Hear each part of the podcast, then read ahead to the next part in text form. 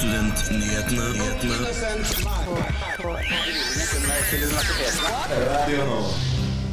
Hei og velkommen til Studentnyhetene. Riktig god fredag til alle sammen. Mitt navn er Ada Helen. Jeg skal lede dere gjennom sendingen i dag. I studio har jeg med meg Marie Hallo, hallo. og Filippa. Hei, hei. Eh, Og vi har mange spennende saker for dere i dag. Blant annet Ja, blant annet så skal vi snakke litt om kvinnehelse, spesielt om eh, fødetilbudet, og hvor lite forskning det da er på menns smerte. Én av fem kvinner har blitt voldtatt, eh, kommer det fram i ny rapport. Under hvilke omstendigheter mange av disse voldtektene skjer, er kanskje ikke så overraskende. Så skal vi òg snakke litt om situasjonen i Iran. Eh, den er fremdeles anspent, så vi skal høre litt mer om hva som skjer der.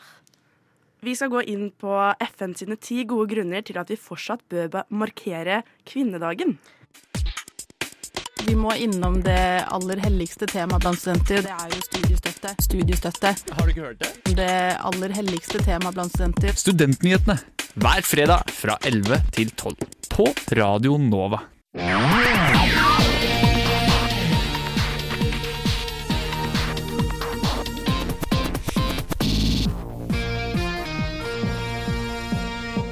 May-Britt Moser er psykolog, hjerneforsker og professor ved NTNU. I 2014 mottok hun Nobelsprisen i eh, fysiologi eller medisin. Sammen med ektemannen Edvard Moser og John O'Keefe. eh, For oppdagelsen av en ny, nye celler i hjernen. Moser-paret er det første nordmennene som noensinne har vunnet denne Nobelsprisen. May- May-Britt Moser er en av de mest sentrale forskerne innenfor hjerneforskning internasjonalt. Elisabeth Stefansen var mat matematiker og den første kvinnen som fikk doktorgrad i matematikk. Doktorgraden fikk hun i Zürich i 1902. Denne fikk hun ett år, ett år før en kvinne fikk doktorgrad ved et norsk universitet.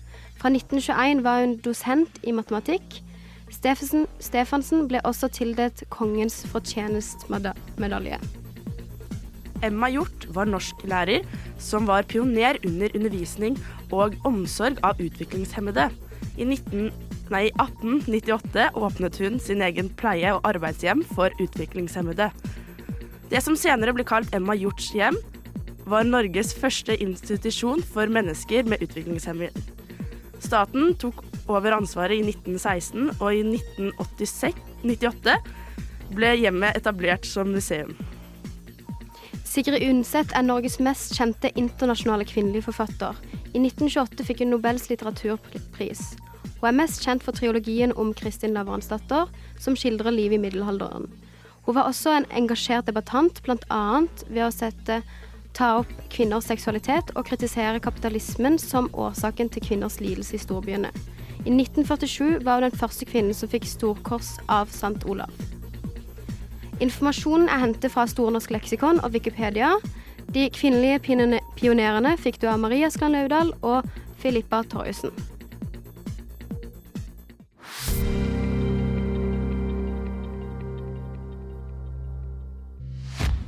samordna opptak. Det er om rettssikkerheten eh, til norske studenter. Akademia Strid. Oslo Met Universitetet i Oslo. Jeg Studerer Studentnyhetene. hver fredag fra 11 til 12. torsdag 2. mars kom det fram i en pressekonferanse at kvinnehelse prioriteres for dårlig. Eh, Nå ønsker utvalget som kom med denne rapporten at det skal gis 1 milliard til kvinnehelse. Og jeg har jo hvert fall det første jeg tror mange reagerte på, var at det var kanskje litt mye penger, var det mange som syns. Eh, Men jeg tenker jo også at eh, det bevilges jo 400 milliarder til helsesektoren hvert år. Så 1 milliard, jeg tenker ikke det er så mye. Hva tenker dere? Nei, igjen, vi er jo mange kvinner i Norge. Mm. Eh, halvparten. Så da trenger man jo at det blir eh, gjort noe med. Og så må vi jo huske at eh, Follobanen til sammenligning har kostet 36,8 milliarder så langt. Og liksom, det er 1 milliard vi snakker om. Ja, det er jo ikke så, så mye når man tenker på det i sånne perspektiver og sånn. Og så er det jo mye å forske på, for det er jo mange mangler, hvis man kan si det på den måten. Eh, og det har jo også vært eh, årets største tema for kvinnedagen. Det, har jo ikke vært, det med kvinnehelse har vært veldig stort. Og det har jo også vært mye i media. Så det, i hvert fall eh, forrige sending så var jo jeg og Hedda på Helsebrølet. Og da var jo også kvinnehelse ganske sentralt. da. Dette med ABC-klinikken som ble lagt ned. Har dere hørt om det? Mm. Noe forhold til ABC-klinikken? Ja, Ja, for det er jo angående fødetilbud. Mm. Det har jo vært veldig mye i media, blant annet folk som må kjøre skikkelig langt, folk som må eh, ja, eh, ikke kan komme seg til der de skal føde fordi at det er så fryktelig langt unna. Jeg leser annet om en som måtte sånn, de siste ukene før hun skulle føde, så måtte hun flytte liksom til Bergen fordi at hun kunne ikke bo der hun bodde, siden det var så langt til nærmeste fødeavdeling. Ja, så det er jo også litt sånn um, Sykehusene har jo ikke mulighet til å ha oppe fødeavdelingen fordi de går i under, underskudd, spesielt på sommeren. da. Så det er veldig vanlig med sommerstengte fødeavdelinger. Eh, og det var det også på ABC-klinikken. Da var det helgestengt, mener jeg det var, hele året. Eh, nå har ABC-klinikken blitt lagt ned. Den ble lagt ned forrige uke. For de som ikke vet hva ABC-klinikken er, så er det en klinikk som eh, Den tilbyr på en måte at du kan ha en hjemmefødsel da, på sykehuset. Så du får liksom sånn gummiball du kan sitte på, du kan føde i badekar. Ja, det er ganske mange gode tilbud, men det er også ganske strenge krav for å føde på ABC-klinikken. Fordi man må være frisk og sunn, da. Så det skal liksom være minst mulig sannsynlig for at du får komplikasjoner. Så, men det er også veldig rart, da. Det er sommerstengt eller helgestengt. Så er, man, man kan ikke bestemme når man skal føde barnet. Det er sånn, jeg skal ikke føde nå i sommer, fordi da kan jeg ikke. Ja, man, må liksom, man må planlegge når man skal ha termin. altså, det har jo blitt påpekt at uh, i hvert fall i Nord-Norge er jo dette et veldig stort problem, da, med at det sykehusene er mye mer sentralisert, eh, mens folk er litt mer sånn desentralisert. Og så er det jo liksom blitt påpeka at det er gode transportforhold på sommerhalvåret. Men det er jo også veldig sånn Ja. Det at det er gode transportforhold, betyr ikke det at det tar mindre enn tre timer på en måte å komme seg til sykehus. Nei. Altså, hvis du begynner fødselen, liksom, og så er det de tre timene, tre timer, tre timer likevel, liksom. Ja. Du kan ikke akkurat tvinge det inne, holdt jeg på å si. Ja, og så tjener jo også eh, Sykehusene tjener jo selvfølgelig på å ha sommerstengt eller helgestengt. Og det er jo det det også mest ligger i. Det med å ha helgestengt eller sommerstengt er jo for at de skal på en måte tjene inn penger som de kan bruke andre steder. da. Fordi helsesektoren generelt tjener, eller har for lite penger. Og det vet vi jo veldig godt fra før av. Også det med jordmødre er det også mangel på, da. Så det er jo ja, ikke bra generelt, akkurat dette med fødetilbudet. Og man har jo også mindre kapasitet til å ha mødre på sykehuset etter fødsel. Og jeg mener også man har mindre kapasitet til å ha de før fødsel, men jeg er litt usikker på det. Ikke ta meg på det. Mm. Men eh, i hvert fall etter fødsel så blir man sendt hjem mye tidligere. Det er ganske vanlig. Eh, Og da har vi jo gått ned fra Hva var det det var, Marie? Det var vel 4,1 døgn eh, rundt sånn begynnelsen av 2000-tallet. Og så gikk det vel, hvis jeg husker riktig, så gikk det i 2010 ned til 3,1, og så nå er det ned på sånn 2,4 2,34 døgn, eller noe sånt. Ja. Så snakker vi altså om antall dager gjennomsnittlig. da Man er ett på sykehuset etter fødsel. Mm. Og det kan jo være litt skummelt. Tenk om barnet ditt ikke har klart å amme ordentlig. Liksom. Mm, mm. Det kan jo være ganske skummelt.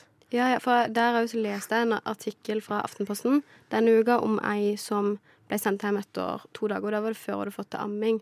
Og da snakka de blant annet med noen som var litt sånn at hvis de ikke tar til seg næring Altså du må liksom på en måte holde litt øye med dem for å vite at de skal ta til seg næring. Så det kan bli liksom litt risky da når de plutselig sendes hjem før de har klart det. Ja, for det er jo man, man, Altså, nå er ikke jeg mor, så jeg kan ikke si, jeg kan ikke si noe om morsinstinkt. Men jeg vil jo tenke at det går jo en grense for hvor langt morsinstinktet går. Og hvis måte, man ikke kjenner tegnene som babyen viser, da, ved at den blir for underernært eller ikke får ordentlig næring, Mm. men hva gjør man da? på en måte? Plutselig så ja, veldig, Jeg skulle si man får en død baby, da, men det er veldig brutalt. Men Mhm. det, er, det kan jo skje. Så det er jo egentlig litt skummelt. Og så tenker jeg jo at du nettopp har født et barn. Jeg mener, du må jo være ganske utslitt. Og så har du bare liksom fått slappe av i to dager, og så er det liksom hjem igjen, og så Ja. er det opp til deg. Det virker skummelt, ass. Mm. Kudos til kvinner som føder. så det er Ja, det er veldig sykt, egentlig. Og så kan vi jo snakke litt om det med at eh, sykehusene tjener penger på hver fødende kvinne. Visste dere det? Nei, det visste jeg ikke. Nei, hvor mye er det snakk om? Eh, det er Jeg husker ikke akkurat prisen, men det er slik at alt måles på en måte Alt har på en måte en kode. Så hvis du f.eks. føder en vanlig, gjennom vanlig naturlig vaginal fødsel uten komplikasjoner, så gir det på en måte en viss sum. Men så er det slik at hvis du skal ha keisersnitt, så gir det mer penger. og forskjellige liksom, prosedyrer gir på en måte mer penger. Da. Jo mer problemer du har, og mindre naturlig fødsel du har, desto mer tjener på en måte sykehuset.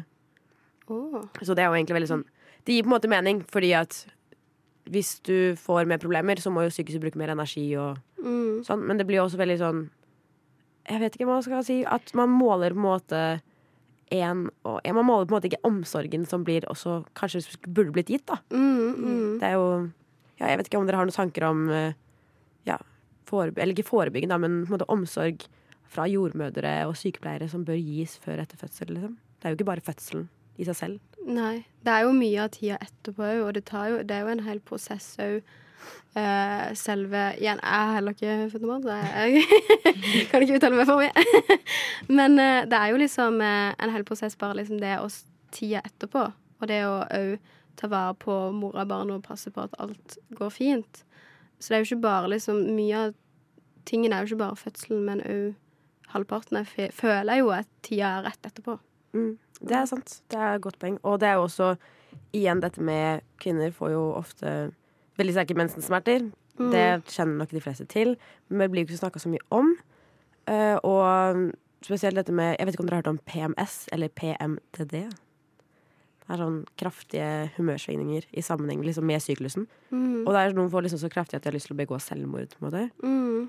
Eh, så det er ganske sånn ekstremt, da. Men det er jo også sånn Hvorfor skjer det her? Det vet vi på en måte ikke. Nei. Det er egentlig veldig rart. Det er bare Det er jo bare godtatt. Mm. Så ja. Det er også veldig sånn med endometriose, for eksempel. Man kan ikke, det er ikke noe kur på det. Man vet ikke hvorfor det oppstår. Man kan ikke finne ut på en måte, ved en blodprøve. Man må operere for å se om man har det. på en måte. Mm. Og der er det jo sånn at det gjerne òg går utover videregående skole. Altså, jeg leste jo om en som måtte gå tredje klasse om igjen av at det var så, hun hadde så fryktelig smerte. Så det går jo utover eh, livet, altså hverdagen. Det gjør det, så håper at regjeringen eh, har lyst til å bevilge litt penger til kvinnehelse og forskning. Som student, så har du lite penger å rutte med. Jeg skjønner det. Men hva betyr det for studentene? Jo, det tror jeg det er mange som lurer på. Tusen takk for at du har hørt på Studentnyhetene. I tillegg til rapport om kvinnehelse har det kommet rapport om eh, hvor mange som har blitt voldtatt. Eh, og der kommer det fram at én av fem kvinner forteller at de har blitt voldtatt. Dette er jo ganske høye tall. Det er veldig høyt tall. Ja. Eh, og det som er interessant, er jo at mye av dette er eh, fest- og sovevoldtekter. Mm. Eh, spesielt dette med sovevoldtekter er jo ganske interessant. For de som har fjernet sovevoldtekter, så er tallet én av ti. Så det er jo ganske, Oi. ganske Stor forskjell. over, ja. Ja. Og overgriperne er ofte da sånn en person som kvinner kjenner fra før av. Det visste vi ja, altså det, Jeg ville jo sagt at man visste det fra før av, at man ofte blir eh, Ja, hva skal Jeg, si? jeg føler det har vært veldig sånn gjentagende av Ja. liksom, tidlig undersøkelse òg. At Mm. det er det man ser, at det er ofte de du kjenner, og ikke er helt fremmede, på en måte. Og så jeg tror eh, denne rapporten viser jo på en måte at vi har en Kanskje en ukultur, da, spesielt dette med alkohol og seksuelt overgrep. Mm. Så det er jo Det er jo noe å tenke på, egentlig. Og man drar på fest, liksom. Sikkert i hvert fall en gang i uka, nesten. Mm. Mange studenter. Ja. Og jeg ser at det er så mange sånne småbusinesser og sånn som lager liksom hårstrikker som du kan liksom legge noe over din egen drikke. Sånn. Mm. At ikke noen putter noe i drikka di og sånn. Ja, det er ganske sykt. Jeg har også sett masse sånn tips til hvordan du skal liksom beskytte drikken din fra yeah. å liksom bli dopa og sånn. Og jeg tenker det som egentlig er skummelt med det, er jo at man vet jo ikke at det skjer. Mm. At uh, også sånn for eksempel sovevoldtekter og sånn, man, du er jo ikke bevisst, du vet ikke at hva det skjer. Mm -mm. Eh, og da har jo regjeringen har jo foreslått Eller de har ikke foreslått nødvendigvis, men de ønsker at det skal komme en samtykkelov. Uh, og det er det jo litt debatt om, det har det jo vært en stund Og Jeg mener Sverige har tatt har en samtykkelov. Ja, både Sverige Nå- og Danmark, lurer jeg på. Ja, Ja. det stemmer nok. Eh, I hvert fall Sverige vet jeg stemmer. Og ja, Høyre i hvert fall vet jeg at de, de ønsker ikke en samtykkelov, for de ønsker å fokusere på forebygging. Så ja, hva tenker dere? Samtykkelov? Ja? Nei? Noen tanker? Jeg syns det er litt vanskelig å vite hvordan det skjer i praksis. Liksom hvordan man Ja. får det til. Men det høres jo bra ut. Det er jo Selv om det er jo, ja, det er jo vanskelig å vite hvordan man skal gjøre det. Men Mm. ja. Og så syns jeg jo tallene er skumle. Altså liksom Ja. én av fem. Det er jo ganske mange av befolkninga som da har opplevd det. Så det må jo gjøres noe, øh, føler jeg da, Ja. eh, ut ifra de tallene. Det er veldig sant. Og så jeg tenker, altså hvis noen skal på en måte Altså hvis, er, hvis du har en kjæreste som ja, voldtar deg når du sover, da, så kommer nok ikke han til å stoppe bare fordi det blir innført en samtykkelov. Mm. Sånn, jeg tenker at det kommer, ting kommer til å skje selv om, selv om det på en måte kommer en samtykkelov. Så jeg lurer litt på hvor på en måte, symbolsk det her blir. da Hvor mye vil For eksempel hvis man sitter i retten, da, så kan man jo si 'nei, jeg sa ikke ja'. Hvor mye vil det da veie? Det er jo fremdeles ord mot ord. Mm. Hvor mye på en måte veier det vitnet da i en rettssal, nå som det på en måte er en lov? Eller ikke nå, da, men hvis det hadde vært en lov. Mm. Så det er jo litt sånn interessant å se på. Men vet du hvordan, noe om hvordan det fungerer i Sverige, liksom? Fungerer det? Jeg har, ikke, jeg har ikke sett på det, faktisk, så det vet jeg ikke. Men jeg har hørt på en måte at det har blitt bedre, eller at det er en positiv ting. Mm. Men jeg vet ikke hvor positivt, eller på hvilken måte, egentlig. Så det er jo vanskelig å si. Ja, jeg vet jo at det er veldig mange altså det, det fremdeles er veldig mange saker som henlegges i forhold til dette her. Eh, så jeg vet ikke om liksom en samtykkelov ville gjort at det hadde vært litt lettere å ikke henlegge liksom, saker. Men det vet jeg ingenting om. Men, Men Høyre vil i hvert fall eh, egentlig prioritere eh, å forebygge det. Så det er jo også Ja, det er jo, det er jo bra, det også. Jeg tenker eh, Jeg har i hvert fall en følelse av at å få gjennom en samtykkelov kan bli veldig sånn eh, politisk symbolsk. Det kan bli veldig sånn Det her fikk vi til. Men så har det kanskje ikke gjort så mye i praksis. Nå vet ikke Jeg jeg har ikke sett på hvordan det fungerer i Sverige, så jeg kan ikke si noe om det faktisk fungerer i praksis. hvordan det fungerer i praksis Men jeg er litt redd for at det kan skje, da. Og jeg tenker jo at Men også samtykkelov er jo en form for forebygging, på en måte. mm, Eh, Men også da, hva slags type forebygging skal vi gjøre? Det funker jo tydeligvis ikke, hvis vi ser på rapporten. mm. Så ja, det er jo interessant. Så jeg tenker kanskje man kan starte med festkulturen, tenker jeg da. Men Ja. eh, som Ja. forebygging. Men eh, det er mye å ta av der. Eh, jeg vet ikke om dere har sett det, men eh, NRK hadde en artikkel om at det var billig alkohol på Forsvarets leirer. Ja, stemmer. Og det kan jo ha en sammenheng med at det er mye seksuell trakassering i Forsvaret. Mm. Ja. Ja. Det er i hvert fall en hovedtillitsvalgt som mener det, da. Og det er jo Jeg tenker vi må på en måte som et land bare stå fram og si at vi har en ukultur, tenker jeg, i festkulturen. Eh, Men ja, hvordan man skal forebygge det, veit ikke. Har dere noen ideer, eller? Nei. Altså, igjen så er det jo liksom denne festkulturen som du snakker om. At jeg husker jo at det nå òg i det siste har det vært veldig mye i forhold til liksom å eh, alt på å si, være veldig sånn, gå mot de som velger å ikke drikke. Sånn at det blir veldig sånn ukultur at med en gang du ikke vil drikke, så er det sånn ja, men da er det ikke så gøy å ha deg med, så da har vi ikke lyst til å ha deg med. Ja. At det er liksom en, kanskje en hel sånn man må ta tak i i forhold til det, og at det er greit å ikke drikke, at det er greit liksom å ikke feste og sånne ting. Uh, jeg vet ikke. Ja, jeg føler jo liksom at det er jo folk som ikke drikker på fest.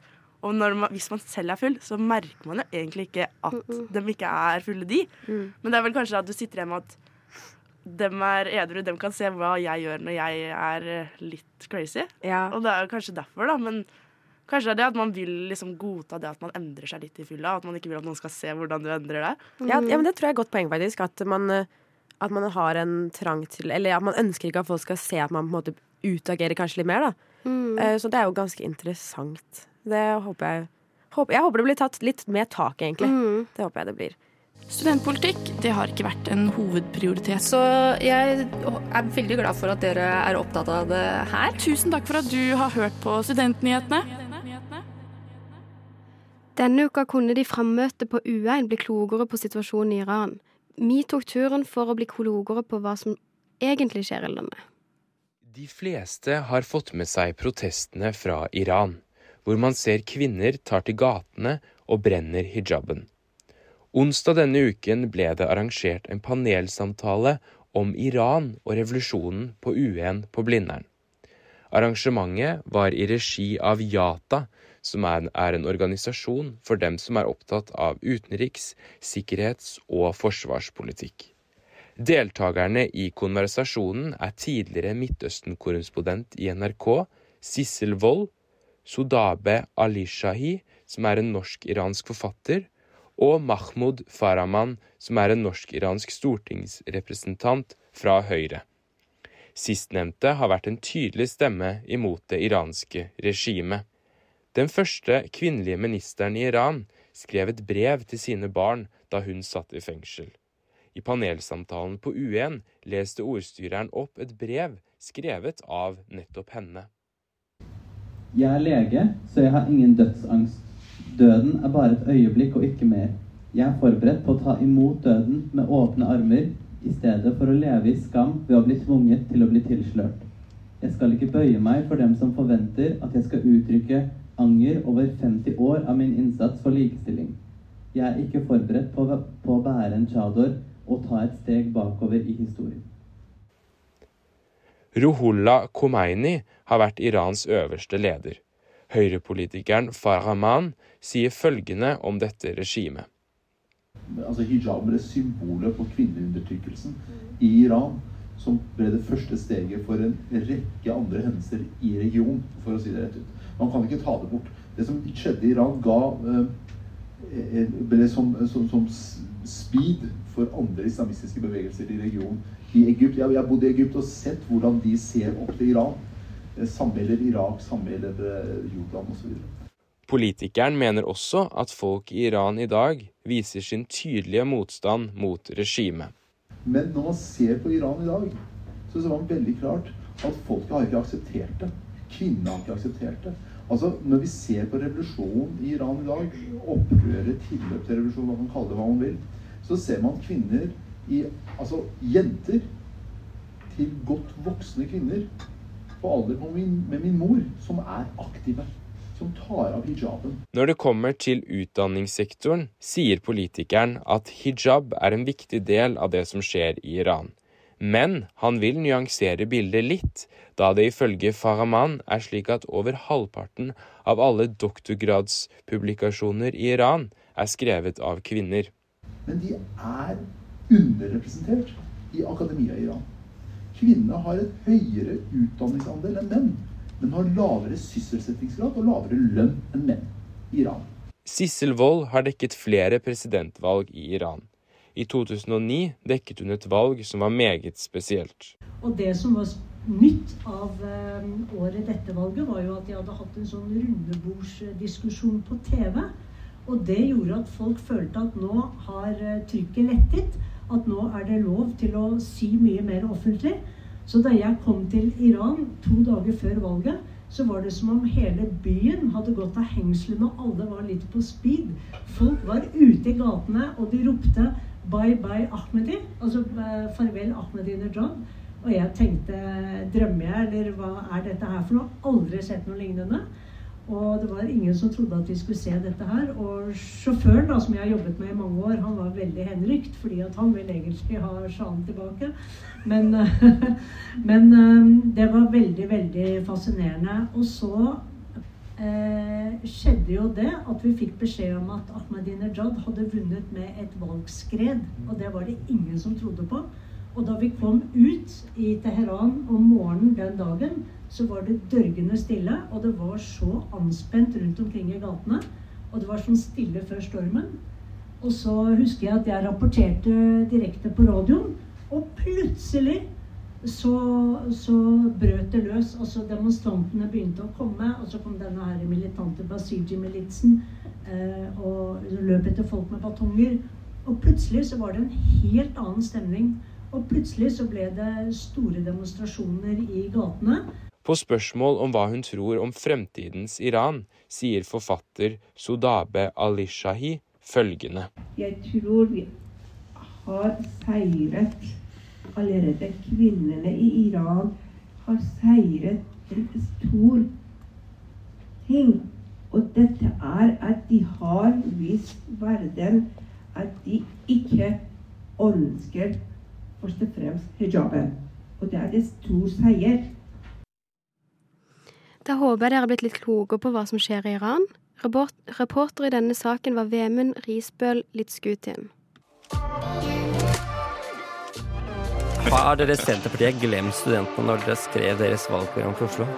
Altså, mulig, men Studentnyhetene. Vi er nyhetsprogrammet av og med studenter. Hver fredag fra 11 til 12 på Radio Nova. Vår nyhetsredaktør Selma har spurt folk på Nova hva de tenker om kvinnedagen. Kan du eh, med ett ord si hvorfor du mener kvinnedagen fremdeles er viktig? Mm, likelønn, er det ett ord? Ja. Likestilling, likelønn. Ja. Ett ord! uh, solidaritet. Likestilling. Med ett ord? Likestilling. Ehm, fordi kvinnehelse ennå ikke er folkehelse. Det er ikke Er det ett ord? Det er ikke ett Et ord. OK. Kvinnehelse. Bare ett ord. Det var tre. Um, vanskelig med bare ett. Likestilling. Ja, med ett ord. Voldtekt. Ett ord. Ytringsfrihet. Mamma? Takk til alle på Nova, og reporter var Selma Bull. Vi skal fortsette å snakke om flere grunner til å feire kvinnedagen. eh, For FN har nemlig ti gode grunner, eh, som Filippa skal gå gjennom for oss. Ja. De, eh, FN gjorde jo 8. mars til den internasjonale kvinnedagen i 1977. De skriver at den internasjonale kvinnedagen markerer hvor langt vi har kommet innen likestilling. Men dagen er også en, en, en erkjennelse på at det er mye av arbeidet gjenstår. Første grunn er jo mangel på likestilling. At det er en menneskerettighetsutfordring.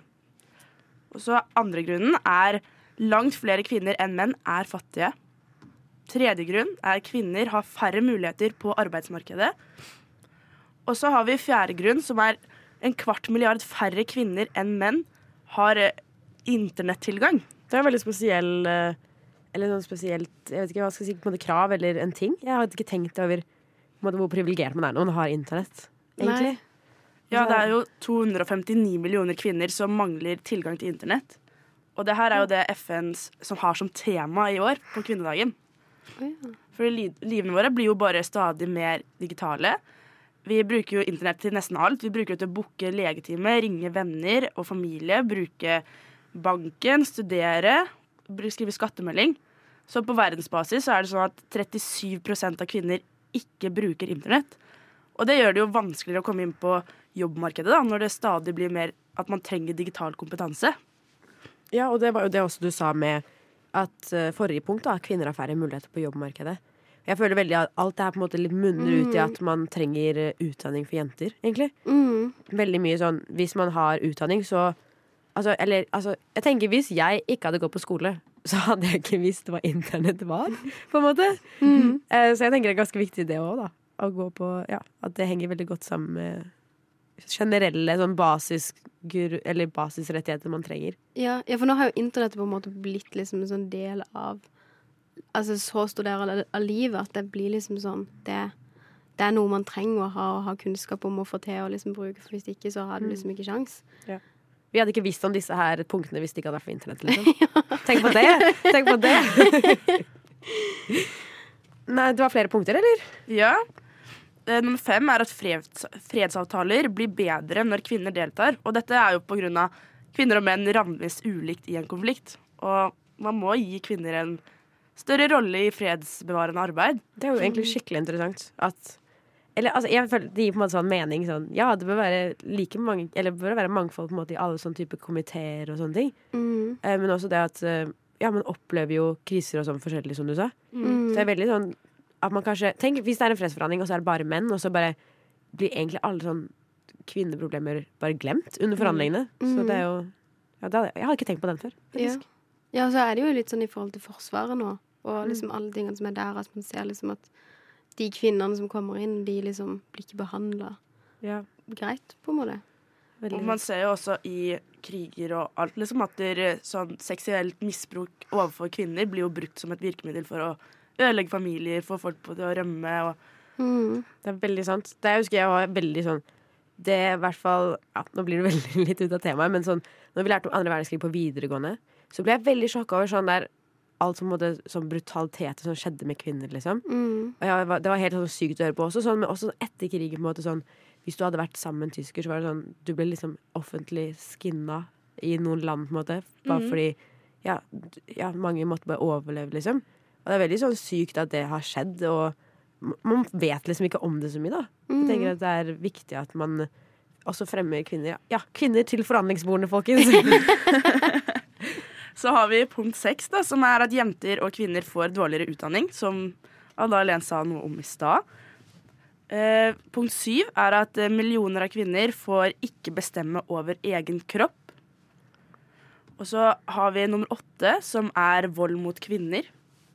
Én av tre kvinner i verden har eh, vært utsatt for fysisk eller seksuell vold minst én gang etter fylte 15 år. Det er, Det er ganske Det er ganske mange. ja. Mm. altså, Jeg tenker sånn, når jeg var 15 år, så tenkte jeg sånn Nå er jeg stor.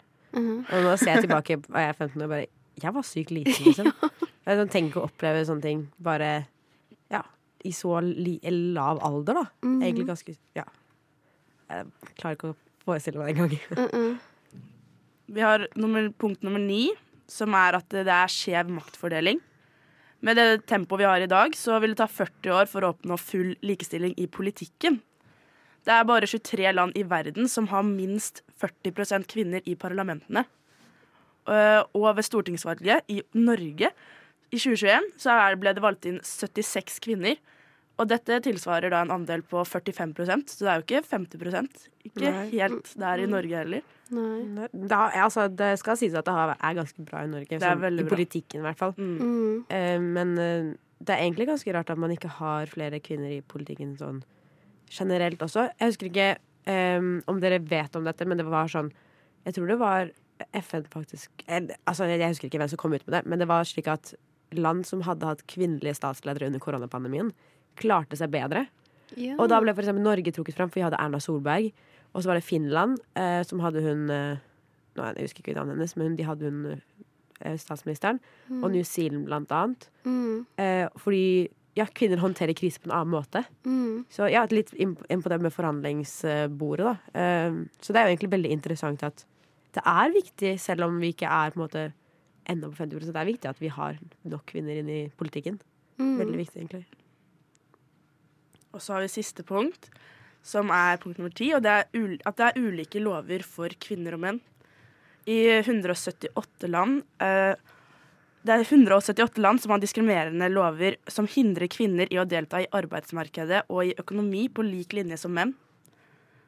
Det gir jo ikke de samme mulighetene. Det er veldig rart. Ja. Eller jeg klarer ikke å forestille meg på en måte at, at jeg er lov Eller at jeg på en måte hindres av loven til å arbeide. Mm. Det, det gir, jeg føler det ikke gir mening. Ja, og så er det samme for sånn Jeg leste nettopp sånn Det kommer noen nye sånn fra SSB eh, om at kvinner fremdeles tjener mindre enn menn.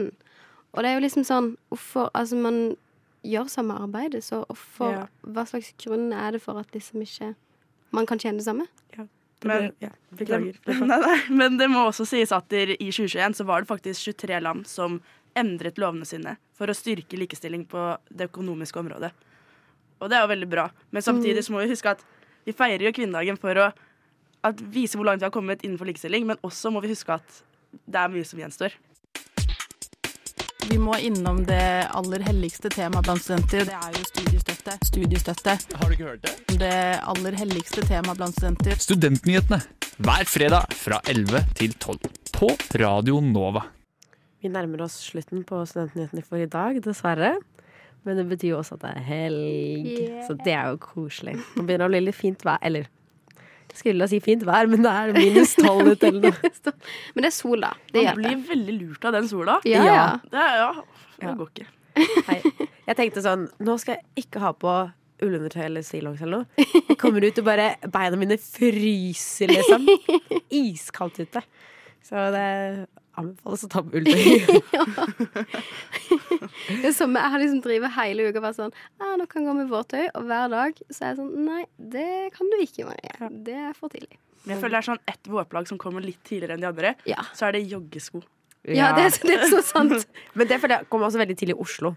Ja. Ja. Men det er sånn is som man blir lurt av. Jeg tryna Ja. på isen forrige uke. Så det er man må Ja, men jeg gjorde det samme, så det, ja. Ja. det, er- det er litt flaut, men man må børste av seg og gå videre, tenker jeg.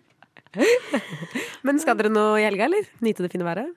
Ja, Jeg skal skrive bachelor, så det blir jeg, skal, jeg må nok ta noen pauser i sola. Vi får se. Eh, og så blir det en sånn filmkveld som avslapping sammen med vennene mine som òg skriver bachelor.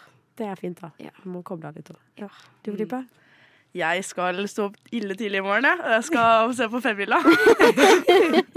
jeg skal ha en skikkelig skihelg. jeg. Og så skal jeg stå på Jeg vet ikke om jeg får til det her, men jeg tror det. At etter jeg har vært liksom på denne femmila, så skal jeg på afterski. Og så, dagen etter, så tenkte jeg å stå på langrenn. Jeg håper det går. Oi. Jeg hørte at det er eh, første gang kvinner går femmila. Så Oi, det, så det er veldig, ja, veldig kult sånn, i sammenheng med denne sendingen, egentlig. Ja, det var jo perfekt. Jeg mener det så, For kvinner har bare gått tremila før, tror jeg. Og så har menn gått femmila.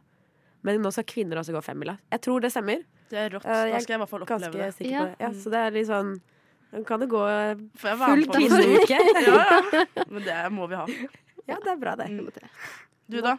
Jeg skal bare slappe av, egentlig. Eller ja, nyte været. Jeg skal Jeg har prøvd å sy ferdig en veske i sånn to uker nå. Oi, oi, oi. Så, men jeg skal også på konsert, da. Men, eh, det hørtes veldig fancy ut, men det er eh, småsøsknene mine spiller i korps, og de har distriktmesterskap. Så jeg skal høre på litt korpsmusikk. Men det er koselig, da. Det er koselig. Ja. Men Spiller de sånne kjente sanger da? For jeg føler sånn Eh, nei, eller akkurat den sangen de skal spille, har dirigenten laga Eller komponert da, til korpset. Oi, ja. det er kult. Han pleide å gjøre det når vi, jeg også gikk i det korpset, så det er veldig gøy, egentlig. Veldig, Mm.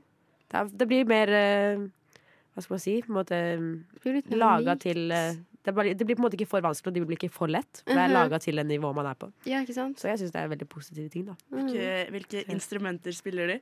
Oh, eh, jeg spilte trombone. Eller det er på en måte hovedinstrumentet mitt. Det Ja. spilte jeg på musikklinja også. Så det, eh, og så kan jeg jo spille alle blåseinstrumenter, på en måte. Sånn trompet, eh, kornett, Mm. eh, bariton, tuba. Ja, for jeg spilte althorn. Ja, det har jeg også spilt. Det var det jeg starta på. oh, ja! Så det ehm, Så det starta jeg på, og så bytta jeg til trombone, som er mye kulere. Beklager. Mye Det er, kulere. det er kult. Ja. Du skal ha det. Råtass. Ja, men trekk basunen, ass! Det er et eller annet med det. Men ja, eh, takk for at dere hørte på Studentnyheten i dag. Um, håper det har vært lærerikt og kanskje veldig interessant. Kanskje vekka noen tanker om, eh, om hvor likestilt Norge kanskje faktisk er. Det gjorde det i hvert fall for meg når jeg gjorde litt research her. Det er bare å høre oss igjen på podkast hvis dere føler for det. Der kan dere spille av eh, 10 000 ganger hvis det er det dere føler for. Gjerne gjør det. Og så er det bare å følge oss på sosiale medier, selvfølgelig. Der heter vi også Studentnyhetene. Eh, og hvis dere har lyst til å sende oss saker der, så er det bare å gjøre det. Tips til saker. Kan også sende på mail der vi er studentnyhetene at radionova.no, mener jeg. Ikke ta med på det. Send på sosiale medier, dere. Det er det tryggeste. Mm. det er det tryggeste. Eh, etter oss kommer radiotjenesten, så det er bare å lytte videre. Mitt navn er Ada Helen, og med meg i studio har jeg hatt Marie og Filippa. Tekniker eh, i dag har vært eh, Mal Maria. Beklager, det tok litt tid. Så ja, dere får kose dere. Ha en god helg.